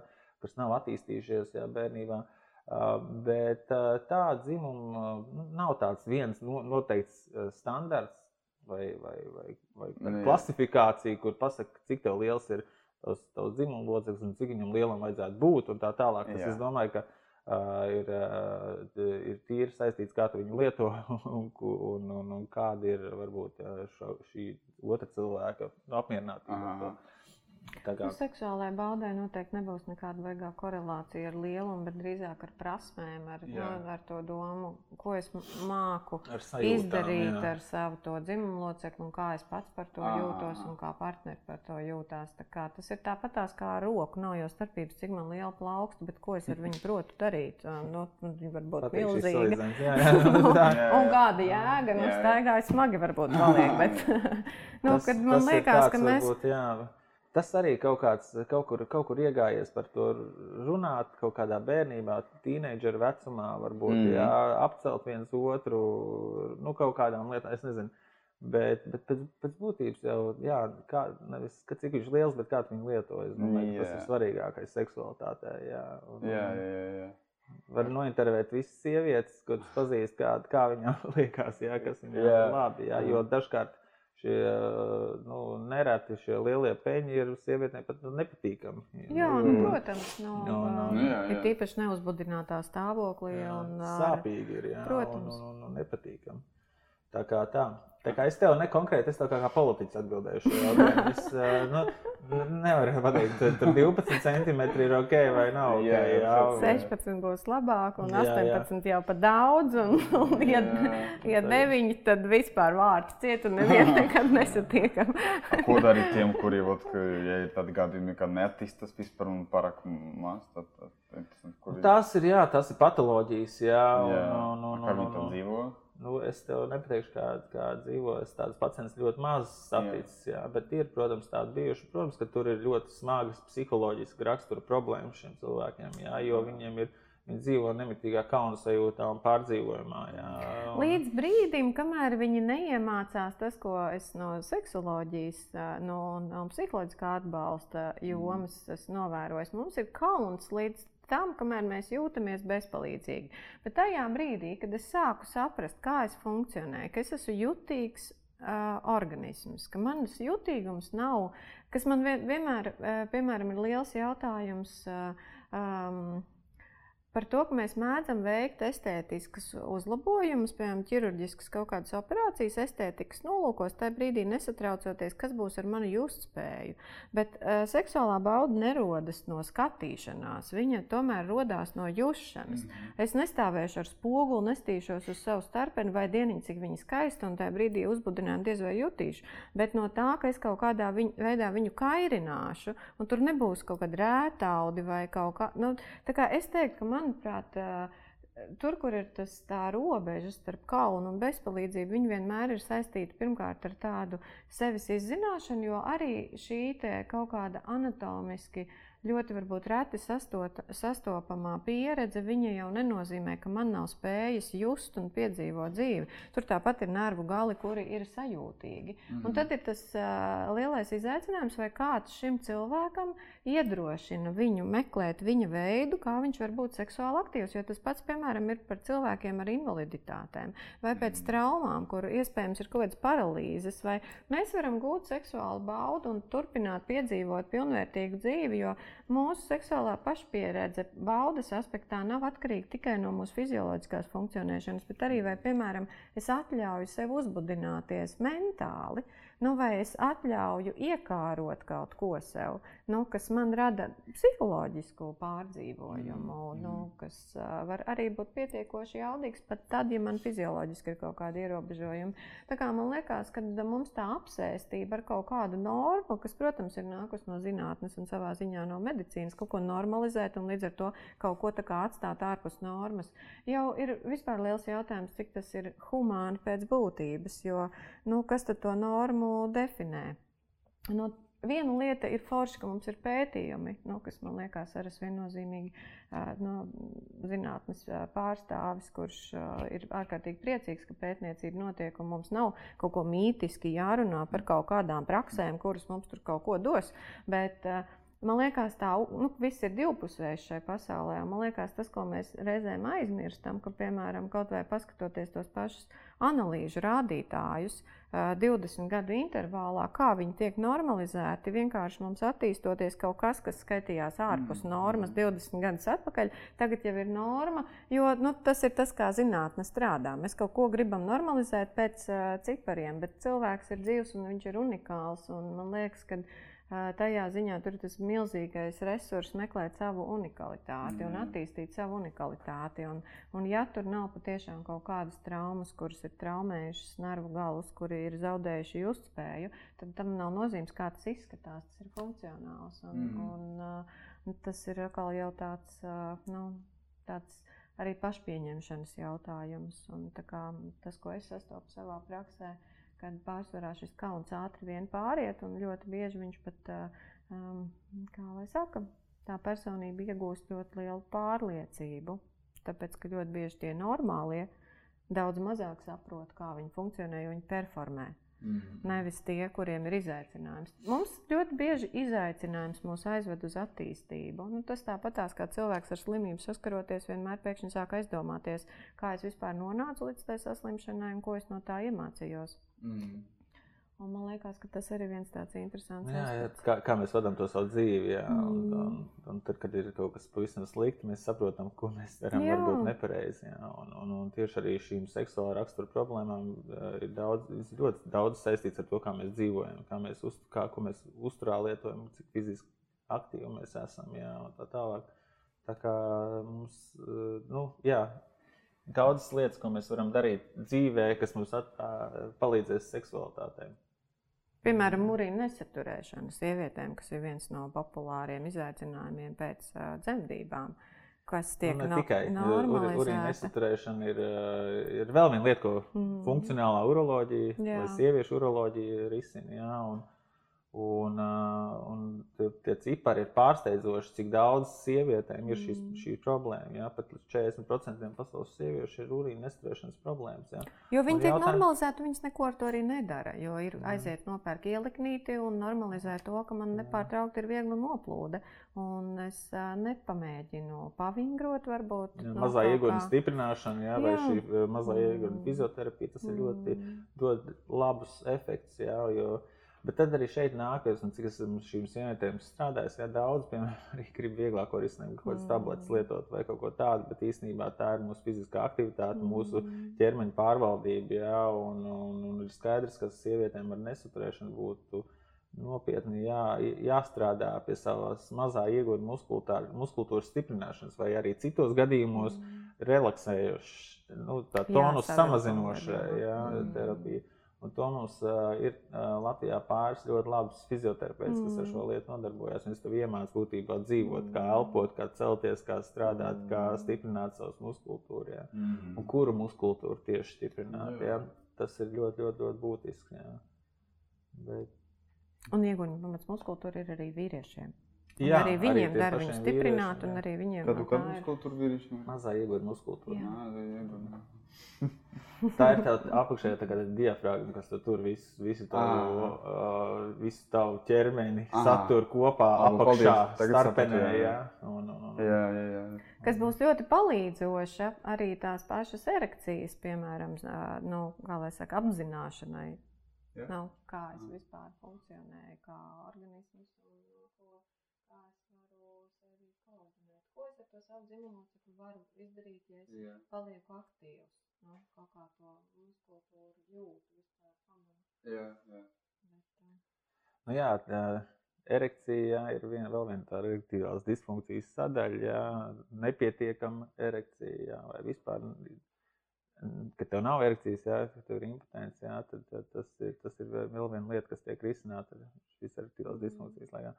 Un, uh, daudziem ir, ir, ir, ir lielai daļai ir šīs problēmas, jā, un, un, un, un, un, un, protams, ka mums ir farmakoloģiski preparāti, ar kuriem mēs varam risināt šo problēmu. Un nereti ir tādi pacienti, kur atnāk, un viņi stāsta, ka viņiem pēdējos kaut kādos mēnešos tas ir sācis parādīties. Ja? Un tad tu runā ar viņiem, tu mēģini saprast, kas tev noticis pēdējos mēnešos. Ja? Mm. Vai tev ir lielāka darba slodze, stress, depresija vai kaut kas tāds. Ja? Bet, bet var arī gadīties, ka tieši šīs erekcijas neesamība vai vāja erekcija ir uh, pamats jau kaut kādām citām kardiovaskulārām saslimšanām, kurām, mm. kuras, kuras būtu jāizzina noteikti. Ja? Un tad, uh, protams, ka mm, jautājums ir, kāpēc viņi ir parādījusies, ja? vai tās ir šīs citas saslimšanas, vai tie ir kaut kādi riski. Ja? Ir modificējami riski un nemodificējami riski. Ja? Riski, kur tu vari kaut ko darīt lietas labāk, kas ir noteikti fiziska aktivitāte, sportošana, aktīvs dzīvesveids un tā tālāk. Ja? Un otra ir varbūt nemodificējama kas ir jau kaut kādas patoloģijas, kas tev jau ir nomocījušas. Viss nav tik viennozīmīgi un nav tik skaidri. Un, un būtībā, gatavojot, nu, pat negatavojoties nākot uz šo sarunu, es saprotu, ka es pats nejūtos diezgan komfortabli par šo runāt. Jo man pašam radās jautājums savā galvā, kā tas, tas viss liekas kopā, kā tas viss strādā. Ja? Mm. Kas beig beigās ir ārkārtīgi interesanti. Nu, kā tev, es arī gribēju te jautāt, kā tu vispār pats nonāci līdz uroloģijai? Jā. uh, nav tā, ka tu iestājies medicīnas fakultātē. Mm -hmm. Pirmkārt, es vispār ne, neesmu. Es, pirmā izglītība man ir mārketings un grafiskais dizains. Mm -hmm. Es esmu cits vispār pārstāvs. Kaut kādos 27 gados uznāca krīze Latvijā. Pirmā un sapratu, ka ir kaut kas jāmaina dzīvē, kad, nu, ka, ka tas, ko es daru, strādājot bankā, nav, nav tas, ko es gribu darīt. Nu, lūk, tad sākās tās mācības. Un tajās mācībās tur redz visas profesijas, no nu, specialitātes medicīnā. Tad domā, nu labi, kas, ko, kas tu gribētu būt? Mm. Uh, uroloģijā Nu, es nevaru iedomāties, kurš no urologiem, sākot medicīnas fakultātē, nu, es kļūšu par urologu. Jā, tas ir kaut kāds apstākļu, situāciju rezultāts. Jā, un, un manā gadījumā es uh, iepazinos ar profesoru Lietuvieti, un, un, uh, kas ir mans profesors, un viņš man uzaicināja šajā profesijā. Bet tad es domāju, kāda uroloģija, kāda tur krāniņa un, un kas tas vispār, nu, kuram, nu, pievērst tam, at, nepievērst tam uzmanību. Ja, un, un tas bija kaut kāds trešais kurs. Un tad es aktīvi gāju volontēt asinsvadu ķirurģiju. Es domāju, būšu asinsvadu ķirurgs un tā tālāk. Un tad pienāca kaut kādas tās beigas, kad es sapratu, ka no asinsvadu ķirurgs es nebūšu, kas tad es īsti būšu. Un tas ir viens no tādiem lielajiem pārdzīvojumiem visiem jauniešiem, kur pabeidz savu medicīnas fakultāti. Nu, ne visiem, bet lielai daļai. Viņi nezina, ko viņi darīs tālāk. Viņiem nav plāns, un, un tad tev ir jāiestājās tajā rezidentūrā. Un tad tu tā, kur es gribu, ko es gribu darīt. Ja? Un, un ļoti liela pārdzīvojuma par šo jautājumu, jo tu nezini, ko darīt. Un tā es sēžot vienā vakarā ar vienu savu draugu, kur runājām. Es stāstīju, ka man ir problēma, ka es nezinu. Mm. Un apmēram divas nedēļas pirms, eh, pirms iestāšanās rezidentūrā es aizgāju pie profesora Lietuvieša un teicu, es gribu laikam kļūt par urologu. Un viņš teica, eh, protams, man nomāja un teica, ka eh, man jau sen jau vajadzēja šo lēmumu pieņemt un darīt zinātni un visas pārējās lietas šajā jautājumā. Bet, bet nu, labi, lai es stājos. Un tā es iestājos uroloģijā. Būtībā par viņu nezinot neko. Un uh, nevienu brīdi, kopš es esmu šajā specialitātē, es neesmu nožēlojis to, jo tiešām tās ir tās mazās durtiņas, pa kurām pieeja, tur ir vienkārši milzīga, ļoti dažāda tipa medicīna. Tur ir ķirurģija, tur ir terapija, jā, tur ir izmeklēšana, radioloģija, jā, tur, tur ļoti, ļoti plaša, un tā tā ikdiena uh, nav vienveidīga. Mm -hmm. Tu vari darīt ļoti daudz dažādas lietas, tu vari operēt no vienas vislielākās eh, ķirurģiskās operācijas līdz mazam, mazinvazīvam dūrieniņam. Nodarbojas ar diagnostiku, ar ultrasonogrāfiju, ar dažādiem izmeklējumiem. Tā, tā, tā profesija ir ļoti aizraujoša. Un, un kā jau mēs arī pieskārāmies, mēs ir dažādi vecumi, dažādas problēmas. Jā, un, un, un arī tas cilvēku spektrs, varbūt, ko tu satiec, ir, ir, ir, ir, ir ļoti plašs. Un tāpat skaitā tās sievietes ir, jā, arī ir, ir mūsu pacienti. Tā kā tas mīts par to, ka urologs ir tikai vīriešu ārsts, tas, tas to varbūt vajadzētu aizmirst. Jā. Un mm. sievietēm arī ir, ir jānāk pie urologa. Un viena no tām, nu, jā. Jā, jo tas man liekas, ir nu, kaut kas, kas maina arī to mūsu spēju, palīdzību pieņemt. Ja mums īsti nav skaidrs orientieris, kur tad man iet, jo klasiski viennozīmīgi es arī noteikti varu tikai apstiprināt, ka arī sieviete ar jebkādu saist, izaicinājumu saistībā ar urīna izvadu ceļiem vai, vai kaut ko ar urinēšanu dosies pie ginekologa. Nu jā, viņi tā, tā arī dara, tāpēc, ka tā ir tā komforta zona. Mm. Uh, Tas ir, ka katrai sievietei ir savs ginekologs, jā, tāpēc vīriešiem vajadzētu būt katram savam urologam. Bet sievietēm ir, nu, viņām ir, kur mēs satiekam, viņas ir, ir, ir šīs infekcijas slimības. Mm.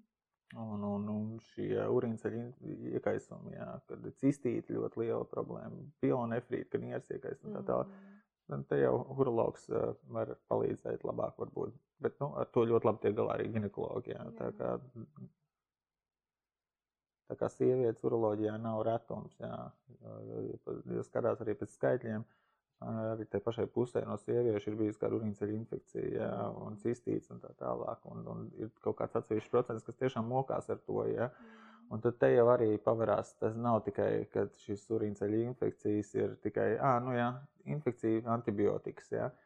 Un tur jau arī, piemēram, ir, ir ļoti svarīgi tas, ka kā sieviete dzīvo, kā, kāds ir viņas dzīves paradumi, ja? vai viņa seksa laikā lieto lubrikantus, vai viņa pačurā pēc seksa, ja?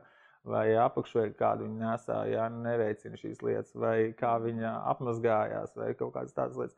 Ir vesels strīpa ar lietām, kuras būtībā ir, var, var atrisināt šīs problēmas. Ja? Un, un, teiksim, un, un, un te arī varētu pieminēt, ka tas ārsta darbs jau nav tikai ārstēšana bet viņš arī ir izglītojošs darbs. Mm. Mēs lielu daļu vienkārši mācām cilvēkiem, kā dzīvot. Jā, un, un, un, un varbūt es nezinu, vai tas mums ir jādara, bet to mēs darām. Un noteikti nav baigi daudz alternatīvu, kas nav variantu. Mm.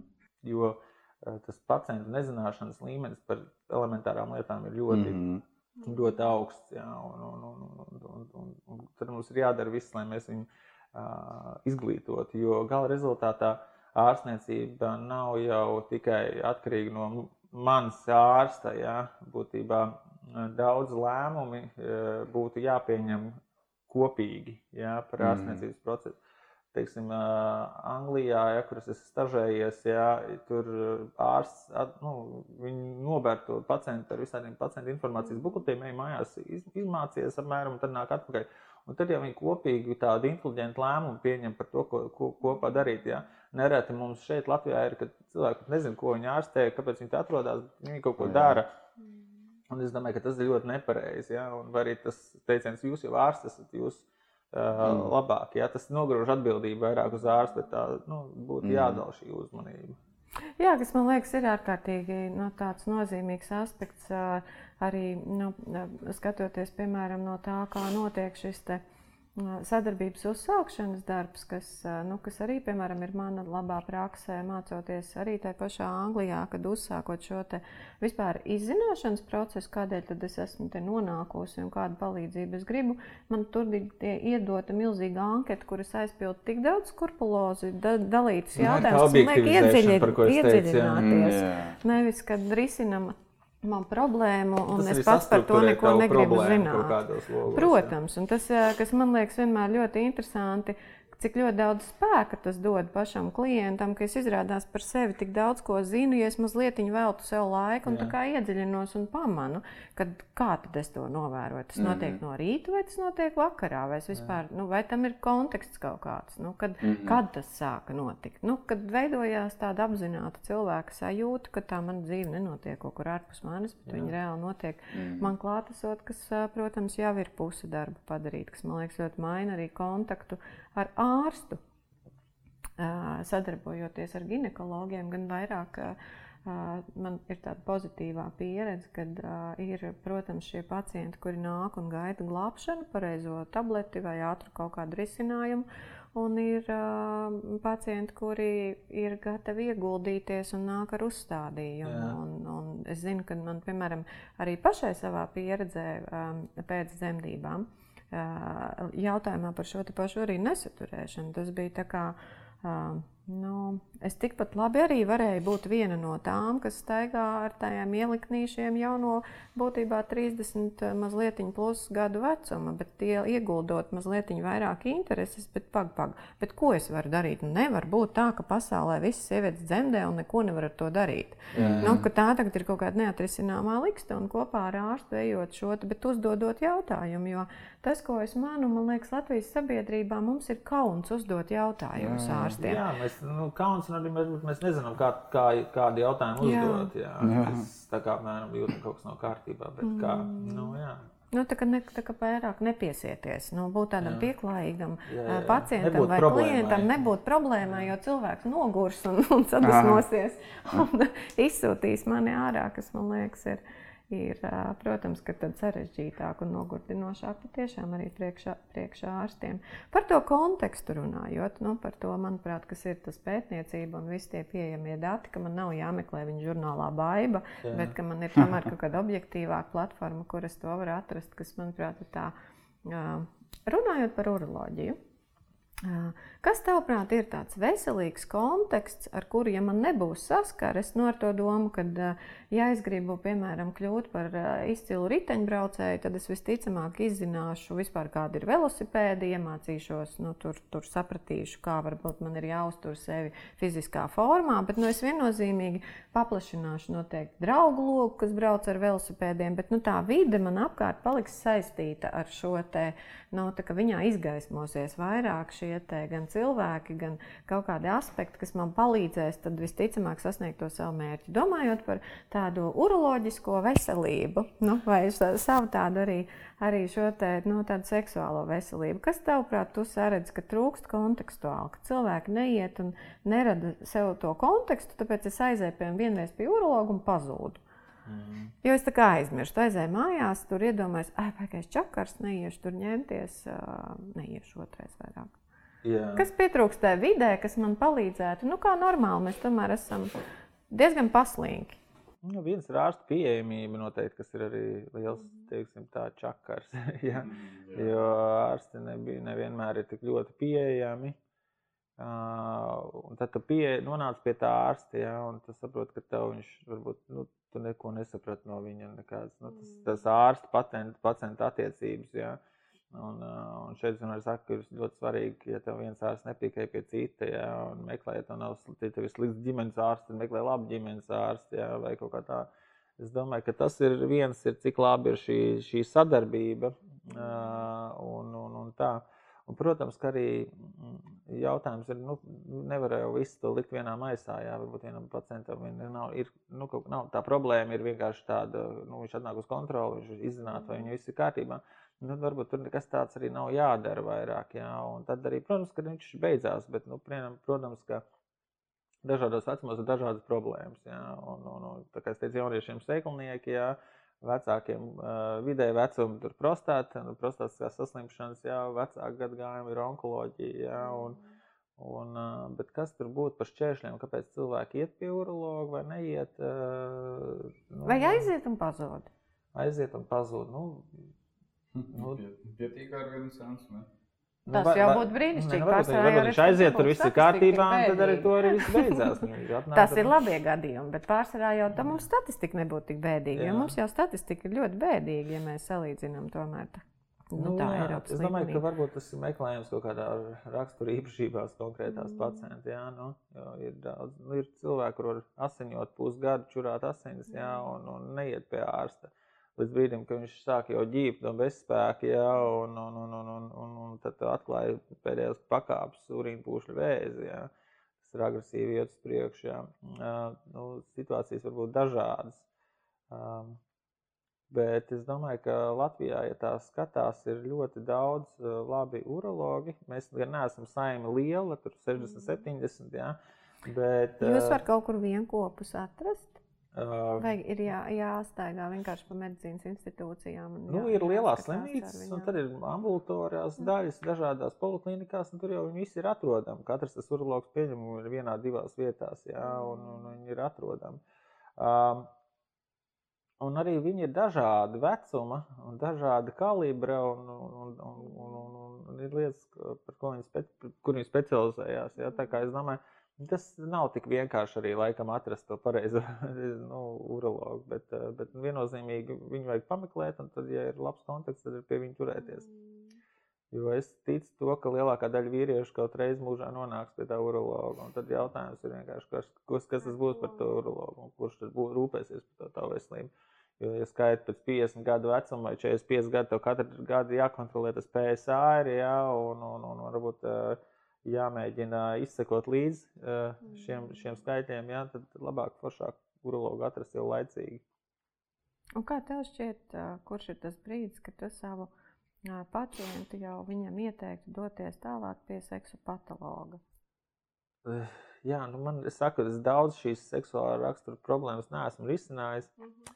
Man liekas, grūti iedomāties, kas būtu nosūtījis kādu pie seksu patologa. Mm drīzāk pie terapeita, pie psihoterapeita, psihologa. Jā, drīzāk tā.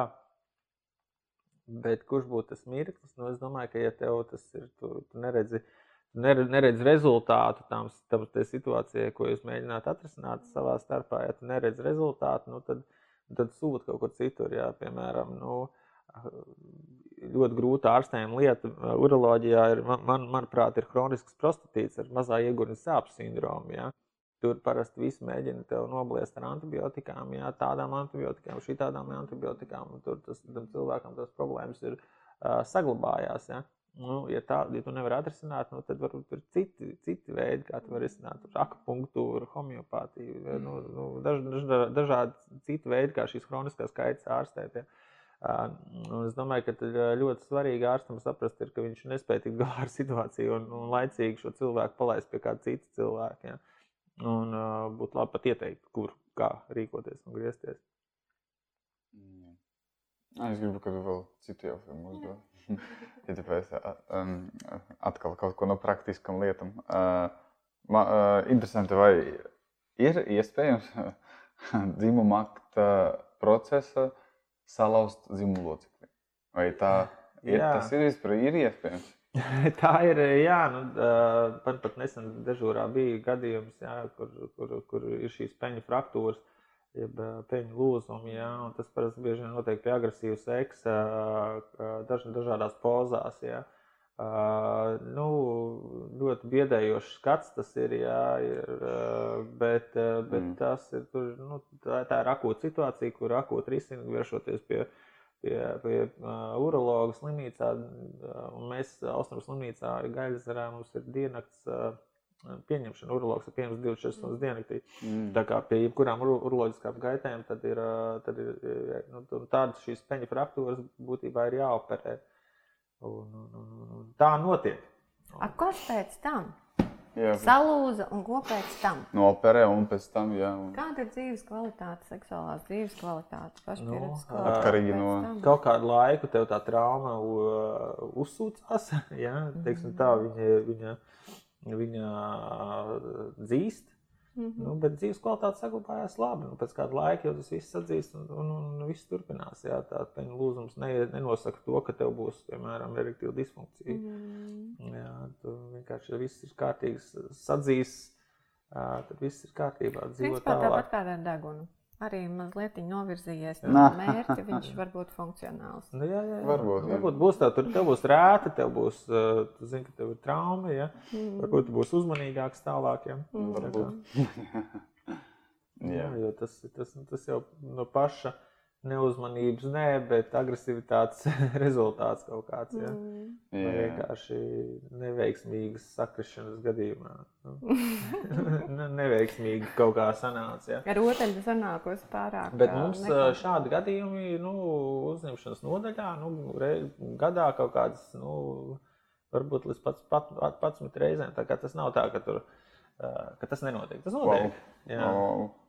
Tas notiek, notiek, un man liekas, ka tas arī ļoti saistīts ar šo pašu seksuālo izglītību. Tur ir tā milzīga atšķirība, kad mēs esam patiešām ar izpratni tajā, ko mēs darām, un kad mēs atkal kaut kā tur vienkārši, piemēram, sadzērušies vai kaut ko salietojušies, izpildamies, aizmirsot. Tas parasti tā arī notiek. Protams, nu, jā, nu, tāpēc, ka cilvēkam tomēr sāp un skaidrā prātā, pie veselā saprāta nu, nodarboties ar kaut ko, kas man sāp, ir daudz uh, sarežģītāk un komplicētāk nekā tad, kad mēs ar kaut kādas vielas palīdzību bloķējam no nu, savu mm. arī tādu uh, gan atbildības sajūtu, gan arī sāpju sajūtu. Par to priekšādiņu tikai ņemot vērā, ka uh, pornogrāfija ir pietiekoši izteiksmīgs izglītības līdzeklis, lai kā mums tas jā. pašiem nepatiktu.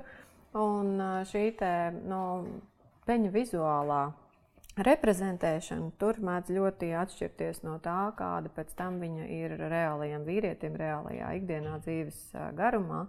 Um, Vai tu varētu mazliet pastāstīt, ņemot vērā, ka tomēr pornogrāfijā vairāk tiek lietota, no, kā lai saka, tiek lietots dzimumloceklis bez priekšādiņas? Nu, jā, tas ir tas, liekas, kā tas maina jautājums. vispār. Jā, bet kā tas maina patiešām to vīrieša nu, savu seksuālo pašpiedzīvošanu? Kāda jēga no tās priekšādiņas ir vai nav? Jo mūsdienās tas vairs nav ne reliģijas, ne ideoloģijas jautājums, bet jau tāds brīvs izvēles jautājums. Griezīsim nost vai atstāsim? Es domāju, tas ir kultūrāls jautājums. Jā. Tas ir kā kurā kultūrā pieņems. Jā, Amerikā ir pieņems priekšādiņu nogriezt. Jā. Mm. Pie mums tāda praksa nav. Mm. Darīt to vai nedarīt, tas ir katra cilvēka individuāls jautājums. Jā, mm. bet skaidrs ir tas, ka tev, piemēram, peņu vēža risks samazinās, ja tev ir nogriezt pie šādiņa. Mm -hmm. Bet bērnībā, ja tur vecākos vecumos, mm. tas, tas, nav, tas nav no tā, nu, vecākos vecumos tas nu, neietekmē šo, šo risku. Ja. Uh, priekšādiņu, jā, nu, arī Latvijā, protams, veids priekšādiņas dezicēšana, nogriešana, jā, bet tas ir vairāk saistīts, piemēram, jā, ka viņi sašaurinās vai veidojas šī fimoze, jā, vai, vai, arī, vai, arī, vai arī tur ir kaut kāda granulācijas auga, ka tur ir kaut kāds rēcis, ir, jā, kurus vienkārši vajag izgriezt. Dažkārt peņa audzējs, jā, kurš, kurš, kurš, kur rezultātā tev vajag nogriezt šo, šo priekšādiņu. Uh, par bet, jutīgumu runājot. Par jutīgumu? Par jutīgumu es, runājot. Uh, kā par, vajadzētu būt tā, ka tev tā priekšādība nav, tev tā jutība ir mazāka, mm -hmm. jā, jo mhm. tev tā galva, tā jutīgākā daļa visu laiku saskarās. Mm -hmm. Viņa nav tajā mīkstajā, siltajā. Jā, viņa tikai norodās. Jā, bet es nemācīšu atbildēt uz to jautājumu. Jā. Tā, kā, nu, tā jutība, protams, ka mainās. Jā. To var varbūt salīdzināt cilvēks, kuram ir bijis viņš visu mūžu dzīvojis ar priekšādību, tad viņš viņu izdomājis ir noņemt. Jā. Nu, tā kā tā. Bet, nu, protams, ka kaut kas mainās, bet kas tieši to es tā nemācīšu mm. pastāstīt. Kā jums šķiet, kāds ir seksuāli inteliģents cilvēks? Kāds viņš ir? Kas tas ir? Seksuāli inteliģents cilvēks. Jo mēs mēģā, mēdzam par inteliģenci šobrīd jā, runāt. Kā jā, par tādu savienojumu. Ka, kas tas ir? Jā. Mm. Kāds būtu tieši jūsu viedoklis? Seksuāli inteliģents cilvēks. Uh, Es domāju, ka tas ir pirmkārt zinošs cilvēks. Viņš mm. pārvalda, viņš zina savu organismu, un viņš zina vispār organismu kā tādu. Es domāju, ka tā inteliģence ir iet caur zināšanām un caur pašizzināšanu. Jā. Mm. Uh, Labs jautājums. Jā, es nu, grū, grūti atbildēt. Bet nu, noteikti tāds cilvēks, kurš nebaidās uh, kaut kādu uh, situāciju vai kaut kādu, kaut kādu problēmu priekšā, nebai, nebaidās rast tam atbildes un jautājumus un attīstīties. Ja, jo, jo, jo tā izzināšanas procesam jau noteikti nu, iet uz priekšu. Ja, un, un, un inteliģenti cilvēki jau ir parasti, man liekas, mēģina pilnveidot sevi dažādās, dažādās jomās, ja, un tāpat seksualitāte. Uh, es domāju, ka tāds cilvēks, varbūt, kurš arī nebaidās eksperimentēt un izaicināt sevi. Jā. Tas arī būtu varbūt, viens no tādiem aspektiem. Bet, nu, kas tad ir inteliģence? Jā, jautājums, un kā tu to vari savienot ar seksualitāti? Mm -hmm. Jā, jā, jā. paldies! Tev. Jā, paldies! Paldies, ka uzaicinājāt! Jā, paldies! paldies.